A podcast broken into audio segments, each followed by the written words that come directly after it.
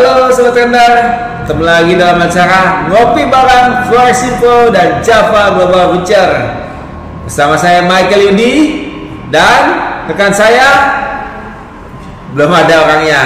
Lagi buat tim kopi. Tunggu sebentar ya Sobat Tender. Tunggu. Tunggu itu, udah mulai kita. Iya iya iya iya iya.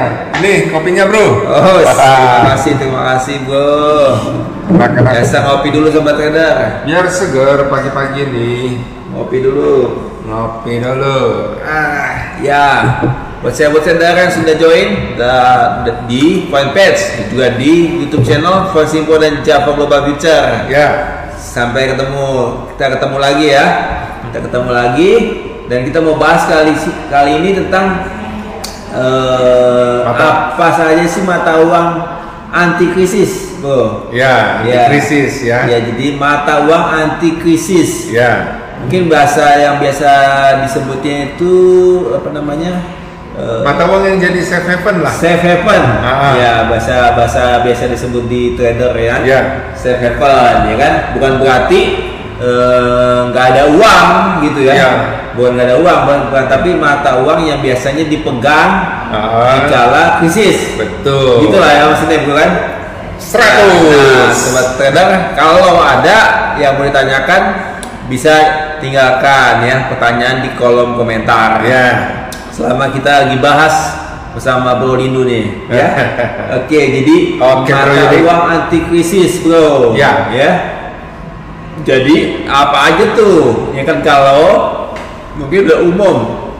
Kalau investment, investasi yang eh, anti krisis atau safe haven ya, biasa disebutnya itu biasanya kan emas kan gold kan. Betul. Dikala eh, terjadi ketidakpastian lah ekonomi geopolitik lah gitu kan. Ya, Orang larinya atau ke emas, perang atau apa ya. perang, ya kan.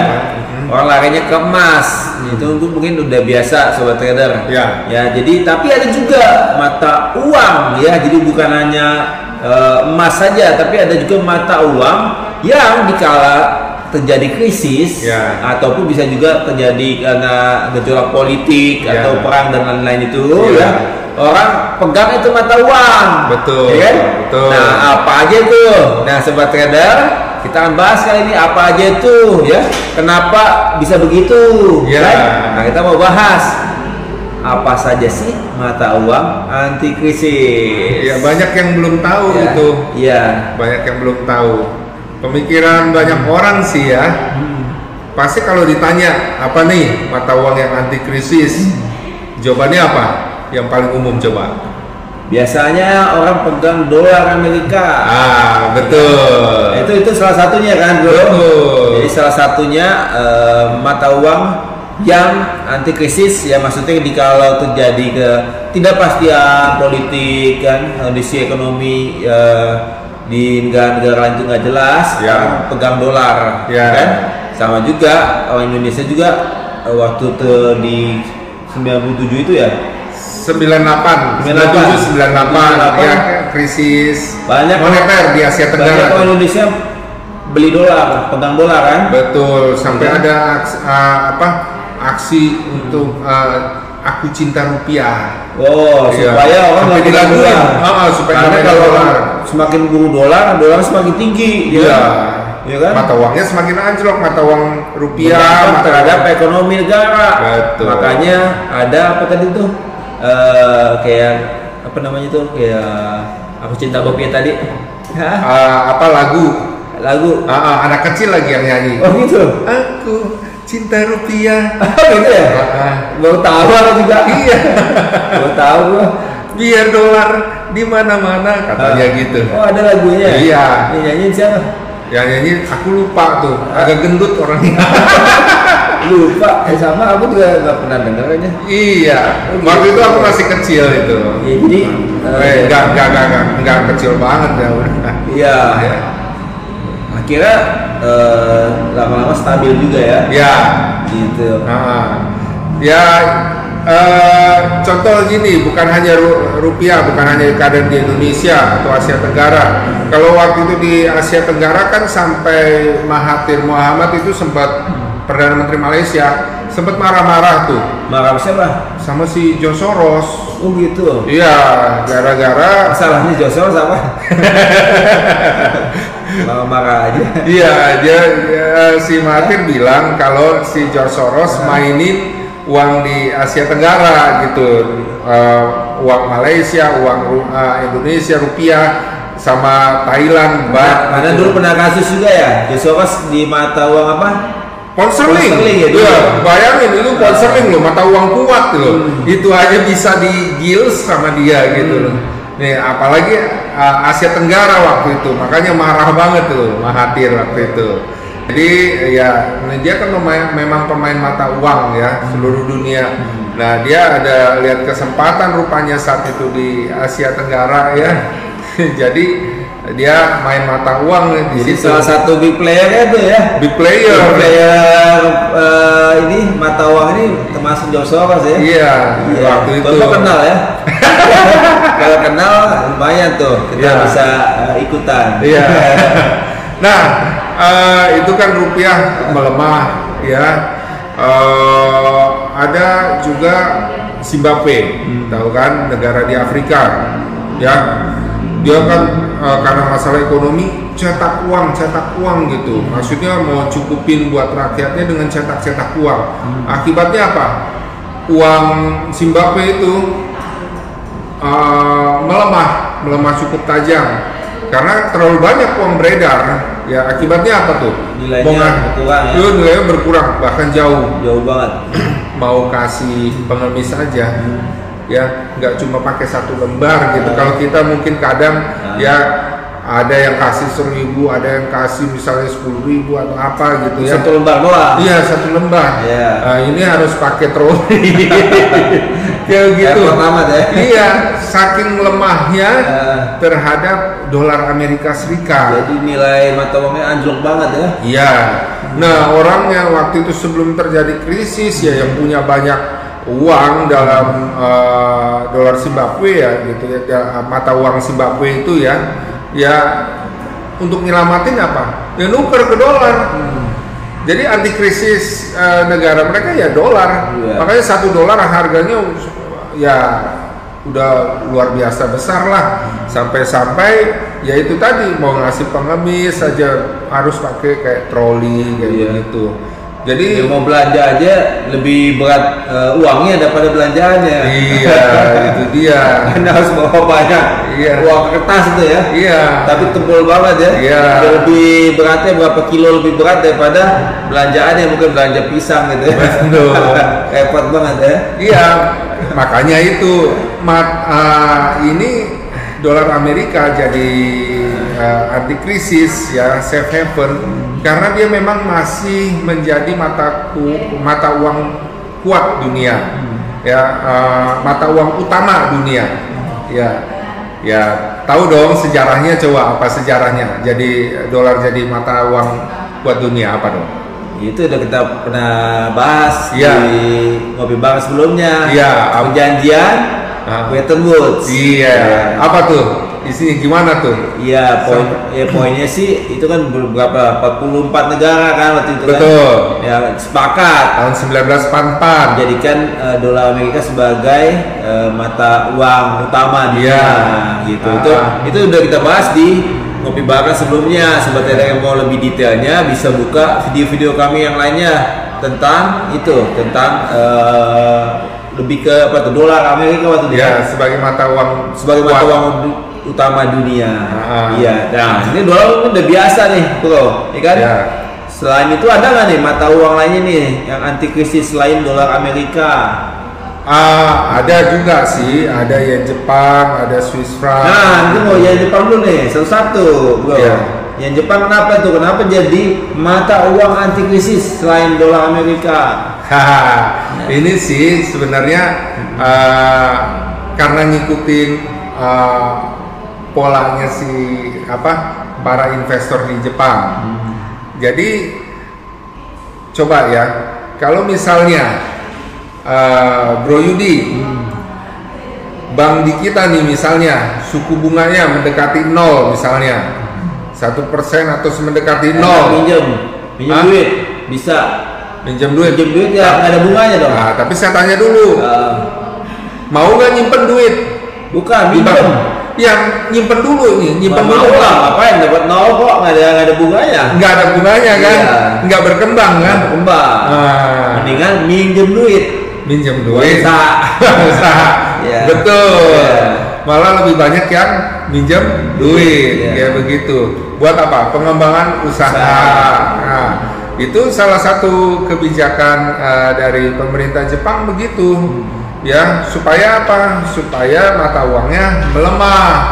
Tujuannya buat apa coba? Ya, karena Jepang merupakan negara eksportir. Betul. Karena kalau mata uangnya menguat, Aha. itu barangnya terlalu mahal di luar, Iya. sehingga barangnya bisa nggak laku. Betul. Kalau mata uangnya melemah, maka ya itu cenderung ba- barangnya jadi murah Mhm. di luaran Iya. dan banyak yang beli. Iya. Gitu. Ya itu eh, eh, salah satu kebijakannya begitu. Makanya harga eh, barang-barang di Jepang di dalam negeri itu mahal ya untuk orang-orang Jepang sendiri gitu. Makanya dibilang biaya hidup mahal di sana. Ya Jepang ya Itu ada kebijakan apa itu waktu itu? politik dumping, gitu Dumping isinya. namanya. Ya, Iya. ya. Jadi eh, menjual barang lebih murah Di di luar, luar, di luar di daripada dalam di dalam negara. negeri. Iya. Ya begitu.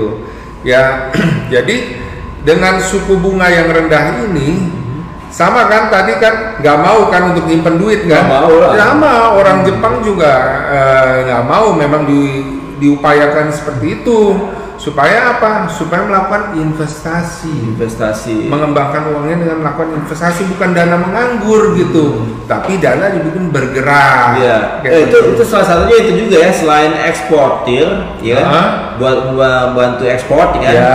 Juga supaya orang nggak nyimpen dananya, uangnya. dia nggak nggak nggak nggak mati di Iya, itu iya. Jadi lebih baik digunakan untuk usaha. Betul. Itu kan berdampak terhadap perekonomian jadi usaha berkembang Jepang. penyerapan tenaga kerja Iya, pintar juga ya pemerintahan Jepang juga iya pintar memang ya. itu tujuannya Politik ini ekonominya bagus. Ah, ah. nah sistemnya. dengan eh, nggak nyimpan uang seperti itu Hmm. Semua melakukan investasi makanya di sana ibu-ibu rumah tangga bukannya cuma nganggur kerja di rumah gitu nggak melakukan apa-apa Hmm. mereka juga melakukan apa trading Wow gitu. iya Jadi Jepang ada juga Hong Kong juga tuh sering trading kan? iya Ya. Nah, nah eh, karena semua ini punya perilaku untuk melakukan trading daripada menyimpan uangnya jadi maksudnya melakukan investasi ya. Jadi mereka juga cenderung melakukan investasi keluar. Luar. ke luar negeri ya. Ke mana? Ya yang paling gampang ya. Yang paling gampang banget mata uangnya dia kan suku bunganya rendah. Tinggal investasi aja simpen ke bank yang mata uangnya? Jadi ini eh, Apa, financial bunganya investment ya. ya. Jadi bukan bukan perdagangan barang dan jasa bukan, Ya. tapi lebih ke financial investment. ya kalau misalnya eh, ekonomi ne- negara tersebut bagus taruhlah misalnya oh Inggris lagi bagus kayak begitu. Ya. Dia suku bunganya lebih tinggi. Dia simpen aja ke situ.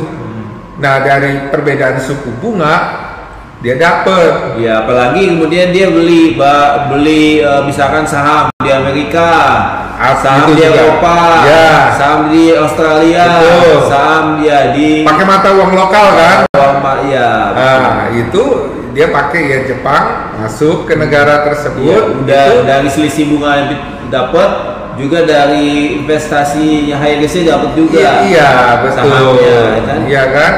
Karena mata uang negara yang menjadi tujuan itu eh, meningkat, menguat terhadap yen Jepang. Karena eh, yen Jepang dipakai untuk membeli daripada mata uang negara yang menjadi tujuan investasi. Nah, kenapa disebut mata uang anti krisis? Nah, kalau namanya krisis berarti ekonomi lagi nggak baik kan? Ekonomi suatu negara yang menjadi tujuan yang investasi. Tujuan investasi. Betul, taruh misalnya Amerika, Ya. taruh misalnya ya Inggris Ya, atau Eropa. Australia atau Eropa, Ya. misalnya dalam kondisi nggak bagus. Ya, kayak waktu misalnya krisis global lah. Ya. Nah, kalau misalnya Bro Yudi Hmm. punya uang invest di negara lain, negara tersebut nggak bagus tiba-tiba krisis ekonominya nggak bagus, keputusannya apa? Tarik dulu, amanin. Amanin, Iya. mendingan masuk ko- kocek kita sendiri gitu Ya, kan? Ya, amanin dulu, tarik dulu. Ah. Itu terjadi ke eh, stabil lagi. Betul. Kan? Jadi kan tarik kembali ke mata uang tersebut, ya kan? Sama investor Jepang juga seperti itu. Jadi tarik uangnya dari negara yang bersangkutan yang krisis, ya kan? Mata uang negara tersebut melemah. Karena melemah tapi kembali ke yen Jepang berarti yen Jepang permintaannya menguat kan? Ya kan? Di- ditarik lagi ke Ya. Jepang. Nah, Nah, itu makanya mata uangnya kembali menguat. betul. Nilainya. Nilainya menguat. Nah, itu semua pak- online ya kan? Ya. Itu dia Apalagi apa? sekarang online. Online. Jadi ketika misalnya oh terjadi krisis gitu, itu pasti akan cepat melemah ya, ya kan? Karena orang pasti akan melepas mata uang tersebut. Kembali misalnya ke yen Jepang. Hmm. Ditarik lagi. Permintaan yen Jepang juga besar, bukan hanya dari orang Jepang Hmm. tapi yang lain juga ikut juga gitu narik ke yen Jepang. Kenapa? Ya yen Jepang lagi menguat karena ditarik oleh investor-investor Jepang. Ya tinggal yang lain ikut kan? Kayak begitu kan? Sehingga apa? Akhirnya semakin kuat lagi kayak begitu. Iya, itu, Gitu. itu terlihat banget tuh di kalau penggaran mata uang misalkan terjadi sesuatu misalkan di Inggris ya kan? Ya, Ya kan? Eh, biasa investor Jepang eh, menaruh eh, investasinya ke sana. Ya. Saat terjadi kekacauan di Inggris, maksudnya kondisinya nggak bagus ya kan? Betul. Maka eh, yang tadinya eh, Great Western Sterling terhadap Japanese yen naik kan? Ya. Tiba-tiba kan anjloknya pun tajam. Iya. Ya kan? Iya. Ya karena eh, investor Jepang tarik lagi. Ya. Yang kalau dia keluar itu kan disebutnya eh, carry trade. carry trade ini unwinding carry trade. Terjadi ketidakpastian eh, ini di luar sana, Tarik. negara investasi, dia tarik lagi namanya Unwinding unwinding carry trade. carry trade. Itu sobat trader. Nah, Jadi di situlah akhirnya jadi eh, di karena perilaku eh, Jepang yang melakukan investasi dan menarik, jadi di saat menarik kembali dana mereka, ya itu yang akhirnya dibilang jadi safe haven.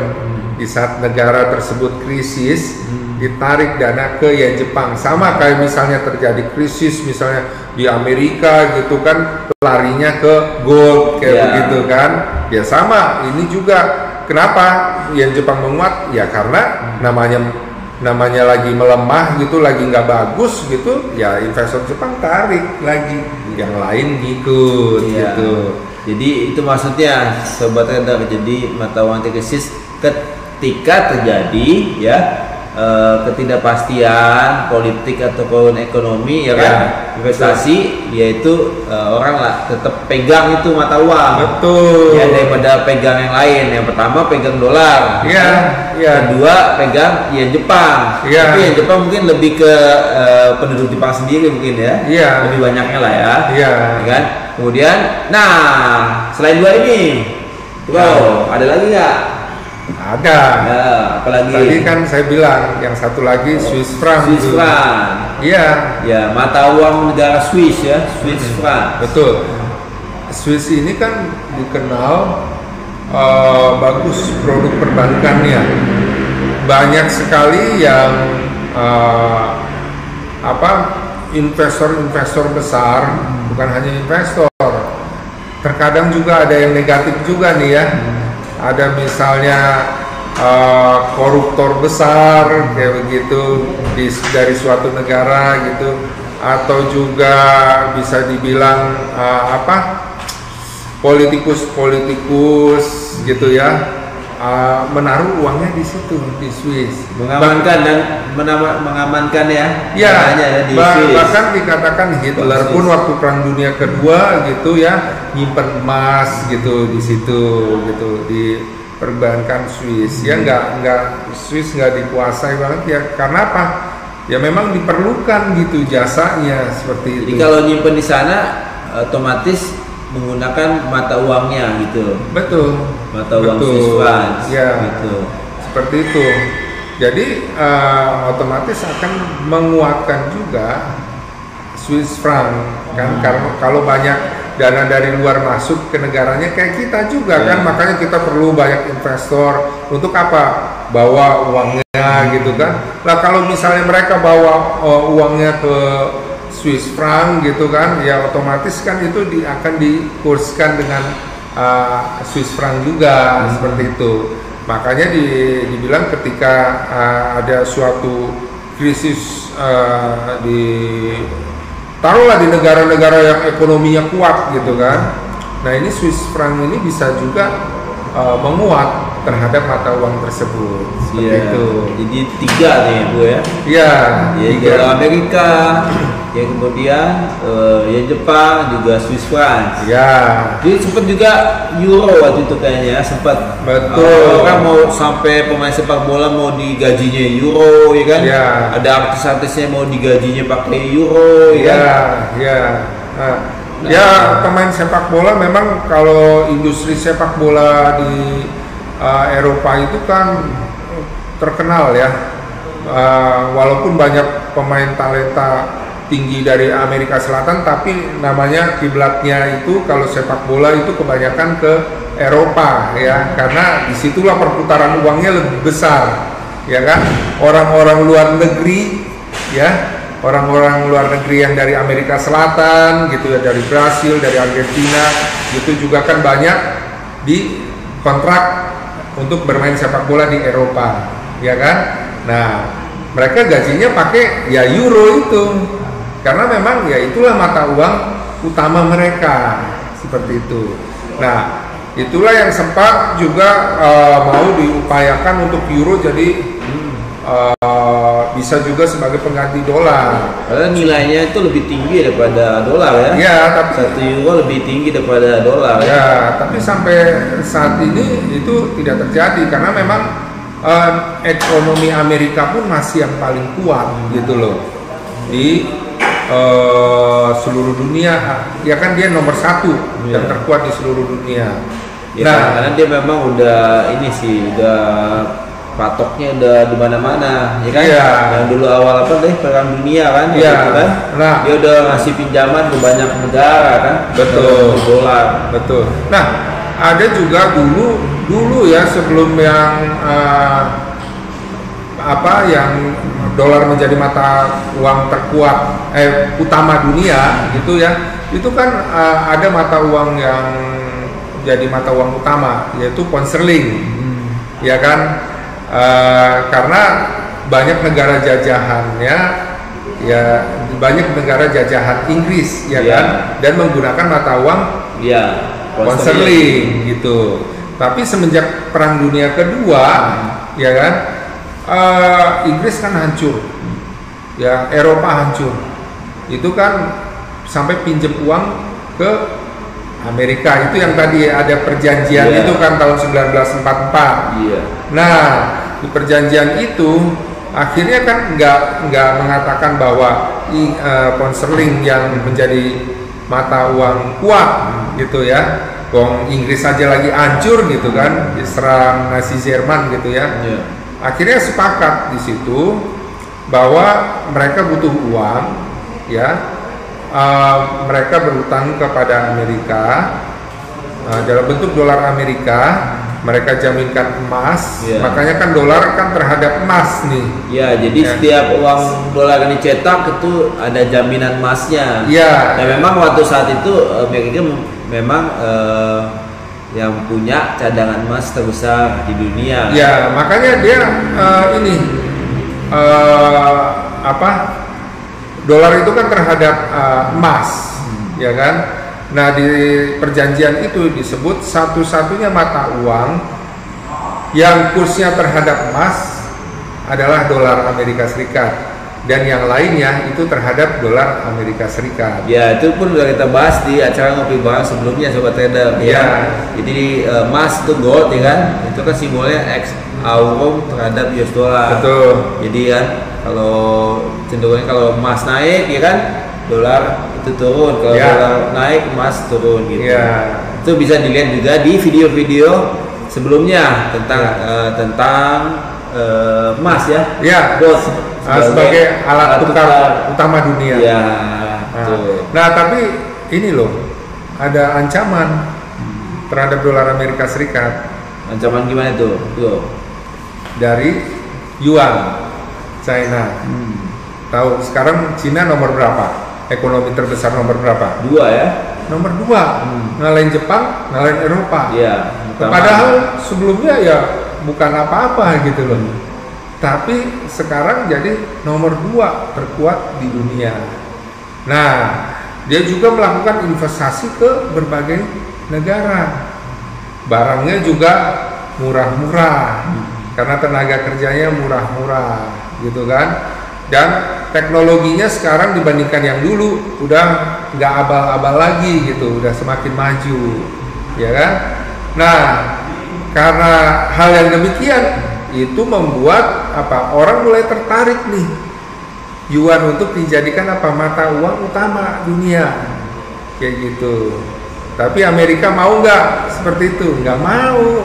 Makanya ada perang dagang kan antara Amerika dengan Cina seperti itu. Ya tujuannya ya supaya nggak terlalu ini apa nggak terlalu apa nggak bisa nyusul lah karena prediksinya ya Cina itu mau jadi nomor satu Iya. ekonominya di Iya. dunia Amerika nggak mau dong itu terjadi Iya. kayak gitu Jadi ya terus ini dia balapan lah ya. Iya. Dia lebih lebih nomor satu, ya kan? Iya makanya ada perang dagang kan pokoknya Amerika harus tetap di atas kayak gitu Nah, bro, ada pertanyaan nih. ya Bro Lindu. Jadi kalau kondisi ekonomi resesi, Aha. baiknya pegang mata uang apa nih? baiknya ya Iya, baiknya pegang mata uang apa? nah sekarang kan mata uang yang utama dunia kan dolar kan Jelas tuh ya. Ah, iya banyak negara juga masih pegang itu. Ya, ya yang paling Ya, kuat pada- ya yang bagus pada ya, umumnya pada ya umum dolar. pegang dolar. Bahkan ya orang Indonesia pun tahu sebenarnya pegang dolar. Iya. Baru Jadi jelas. ya bisa yen Jepang gitu. Iya. Tapi yang paling utama Umumnya dolar. dolar. Hmm. Ya itu jelas tuh jawabannya ya. Iya. Nah kedua, bicara anti krisis, kira-kira apa saja aset anti krisis yang saya tahu sih emas saja. Aset. Aset Ya, disebut aset dibilang aset safe haven ya memang emas, Emas. gitu ya. Ya, ini kayaknya dia pertanyaan jawab sendiri nih. Kita Iya kan? ya dibilang saya tahu emas saja. Ah. Iya, memang emas ya Iya. kalau anti krisis. hanya emas Iya, memang bahkan aset kan ya, ya. sebenarnya kalau mau menyimpan aset, memang aset emas itu ya itu ya, lebih lebih kenaikannya lebih tinggi daripada kenaikan inflasi. Betul. Gitu kan. Iya. Ya, Jadi itu jelas. jadi kalau ditanya aset ya emas. Emas. Kalau ya. mata uang baru yang tadi kita anti bahas. krisis ya emas. Ah. Ya kalau ada juga sih sebenarnya kan aset dalam bentuk properti. Tapi kan properti bisa anjlok juga kayak di Amerika kan. Iya, yang Nah, sampai mortgage, mortgage, Ah. kan orang pada beli beli properti kan Iya. tapi memang belinya dia kredit sih kan Iya. kredit kan kredit kredit kan Ah. ternyata eh, harga untuk mereka jaminkan lagi ya kan untuk jadi mereka beli kredit itu pun surat surat punya utangnya di diutangkan pecah lagi, lagi pecah lagi. terus begitu berlapis-lapis ya kan Iya. tapi kemudian ternyata harga uh, properti turun ya kan Iya. jadi gagal bayar semua Iya, jadi betul. krisis lah Iya. ya bisa aja sih tapi paling memang aset anti krisis ya emas memang ya Iya, hanya itu. emas ya nah ketiga ada tadi pertanyaan nih bro Nah. kira-kira bakal terjadi krisis ekonomi dalam waktu dekat atau tidak Nah, nah itu ya, nggak mau- bisa kita jawab ya. maunya sih ya nggak ada krisis ya Maunya nggak ada krisis. Ya, Bahkan memang- sekarang pandemi mau pemulihan gitu. Tapi kan. memang ke kondisi pandemik kalau terus berlangsung itu krisis berkepanjangan Iya. yang ak- akhirnya jadi resesi. Iya. Gitu kan? Nah, cuma kan kita Tapi kan kita udah udah ada kabar update, Mm-mm. ada vaksin, Ya. Pfizer. Ya. Kemudian ada vaksin Moderna lagi. Ya. Kemudian ada vaksin terbaru nih baru kemarin nih. Ya. Ya, AstraZeneca. baru nih. ya. AstraZeneca. AstraZeneca. Ah. Ya, jadi itu ya ada harapan eh, pandemik berla- akan berlalu dalam waktu dekat. Ya. Akan mendorong pertumbuhan ekonomi kembali Betul, ya. betul. Asal asal sampai saat ini gitu ya juga nggak ada yang lockdown lockdown lagi ya. Iya. Sekarang Eropa kan lagi lockdown beberapa Eropa termasuk Inggris gitu ya. Nah kalau sampai nanti misalnya ya kalau terjadi misalnya Amerika lockdown, ah itu itu bisa dampaknya ke berbagai negara itu karena itu Amerika yang mempengaruhi uh, nom- apa ekonomi nomor satu di dunia itu akan mempengaruhi berbagai negara. Nah itu yang kita nggak harapkan Amerika terjadi lockdown lagi Ya. seperti itu. Ya yang kita harapkan ya inilah Ya, apa itu, itu kan kalau lockdown vaksin-vaksin ini. Ya, kalau lockdown terjadi kan kalau eh, pandemi ini nggak berlalu Ma- kan. iya. Ya, karena dia semakin besar kan. Iya. Tapi kalau udah ada vaksin kan bisa dikatakan ada harapan eh, pandemi berlalu karena penyebarannya akan berkurang, Iya. dan semakin habis semakin habis, Iya. gitu kan. Iya. Sehingga eh, ekonomi dapat berjalan kembali, Iya. ya, jadi normal dan akan mendorong pertumbuhan ekonomi kembali. Iya, jadi kalau ditanya tadi dibilang eh, kapan krisis lagi ya nggak tahu kita ya justru malah berharap Ya jangan. jangan Ya, tahun krisis. depan udah malah semakin pulih gitu Iya. kembali pertumbuhan ekonomi meningkat Iya. gitu kan ya. Dan itu pun kelihatan berdampak terhadap penurunan harga emas. Iya, oh iya harga Ya emas kan iya, jatuh iya, drastis karena, tuh. karena ada penemuan vaksin, itu vaksin, kelihatan ya. Dari awal yang pertama Pfizer, Mas anjlok. Ya. Kemudian kedua Sebelum Pfizer sebelumnya Sputnik. Oh, sebelum Rusia yang dari ya. rekor 2074 langsung ke 1895. Nah, iya. Gile banget itu. Jadi udah udah empat kali, ya? Iya. Itu buat eh, emas turun drastis. Ah, ya iya. kan? Nah itu kan itu itu eh, dampak dari itu dia vaksin. Vaksin, Ya. iya. Jadi ya gitu. Oke, jadi udah pembahasan tentang mata uang anti krisis kayaknya udah cukup jelas nih sobat trader. Ya. Iya. Tapi ini acara ngopi bareng walaupun eh, akan berakhir ya, Hmm. tapi tetap kita bisa bahas ya di grup Telegram for Simple Community. Sobat Iya. Jadi Iya. kalau yang belum join ya segera join, linknya ada di bawah ya. Ya. Eh, grup Telegram Simple Community. Iya. Juga sobat trader bisa eh, subscribe, like, follow Betul. ya semua akun sosial media kami Ya. ya. Juga jangan lupa juga klik loncengnya untuk YouTube channelnya supaya sobat trader mendapatkan notifikasi Ya. jika ada video-video terbaru dari kami. Gitu Eh. ya sobat trader. Betul. Ada lagi. Uh, Ada apa selain yang Telegram ini, kita bisa memvalidasi, memfasilitasi uh, klien-klien kita dengan apa? Ada live trading loh. Ada live trading. Iya. Ya, ada juga live trading sobat Iya. trader. Live trading ya bagi sobat trader yang trading ya mau sama-sama ya. Betul. Eh, itu setiap hari Senin dan hari Jumat, ya. Jadi setiap Senin dan Jumat malam ya. Nah, ada info nih. Infonya waktu, ada. Waktu hari Jumat kan kita live trading tuh bersama-sama gitu ya. Itu uh, kita pasang uh, sell limit gold di 19 ah, 1875 ya. Nah, kemarin tuh nyampe ke 1860 jadi 15 poin lumayan tuh. Untuk TP ya. Wow, kena taking profit di situ. Taking profit. Ya. Ya, jadi gitu sobat trader. Ya, jadi ikuti acara Ya. live trading setiap hari Senin dan Jumat. Juga Ya. setiap hari Rabu ada webinar. Betul, betul. Nah itu semua infonya ada di grup Telegram Voice Info Community. Iya. Jadi segera join ya sobat trader. Ya. Kita sampai di sini dulu eh, acara ngopi bareng kita ya. Ya. Ya tapi jika mau terus diskusi dan dapat info-info update, ya itu dia. Jangan lupa eh, join grup Telegram Info Community. Ah, betul. Oke. Oke. Eh, kopi dulu dong. Oke. Sampai jumpa ya sobat trader. Sampai jumpa. Oke, sampai jumpa di acara ngopi bareng selanjutnya.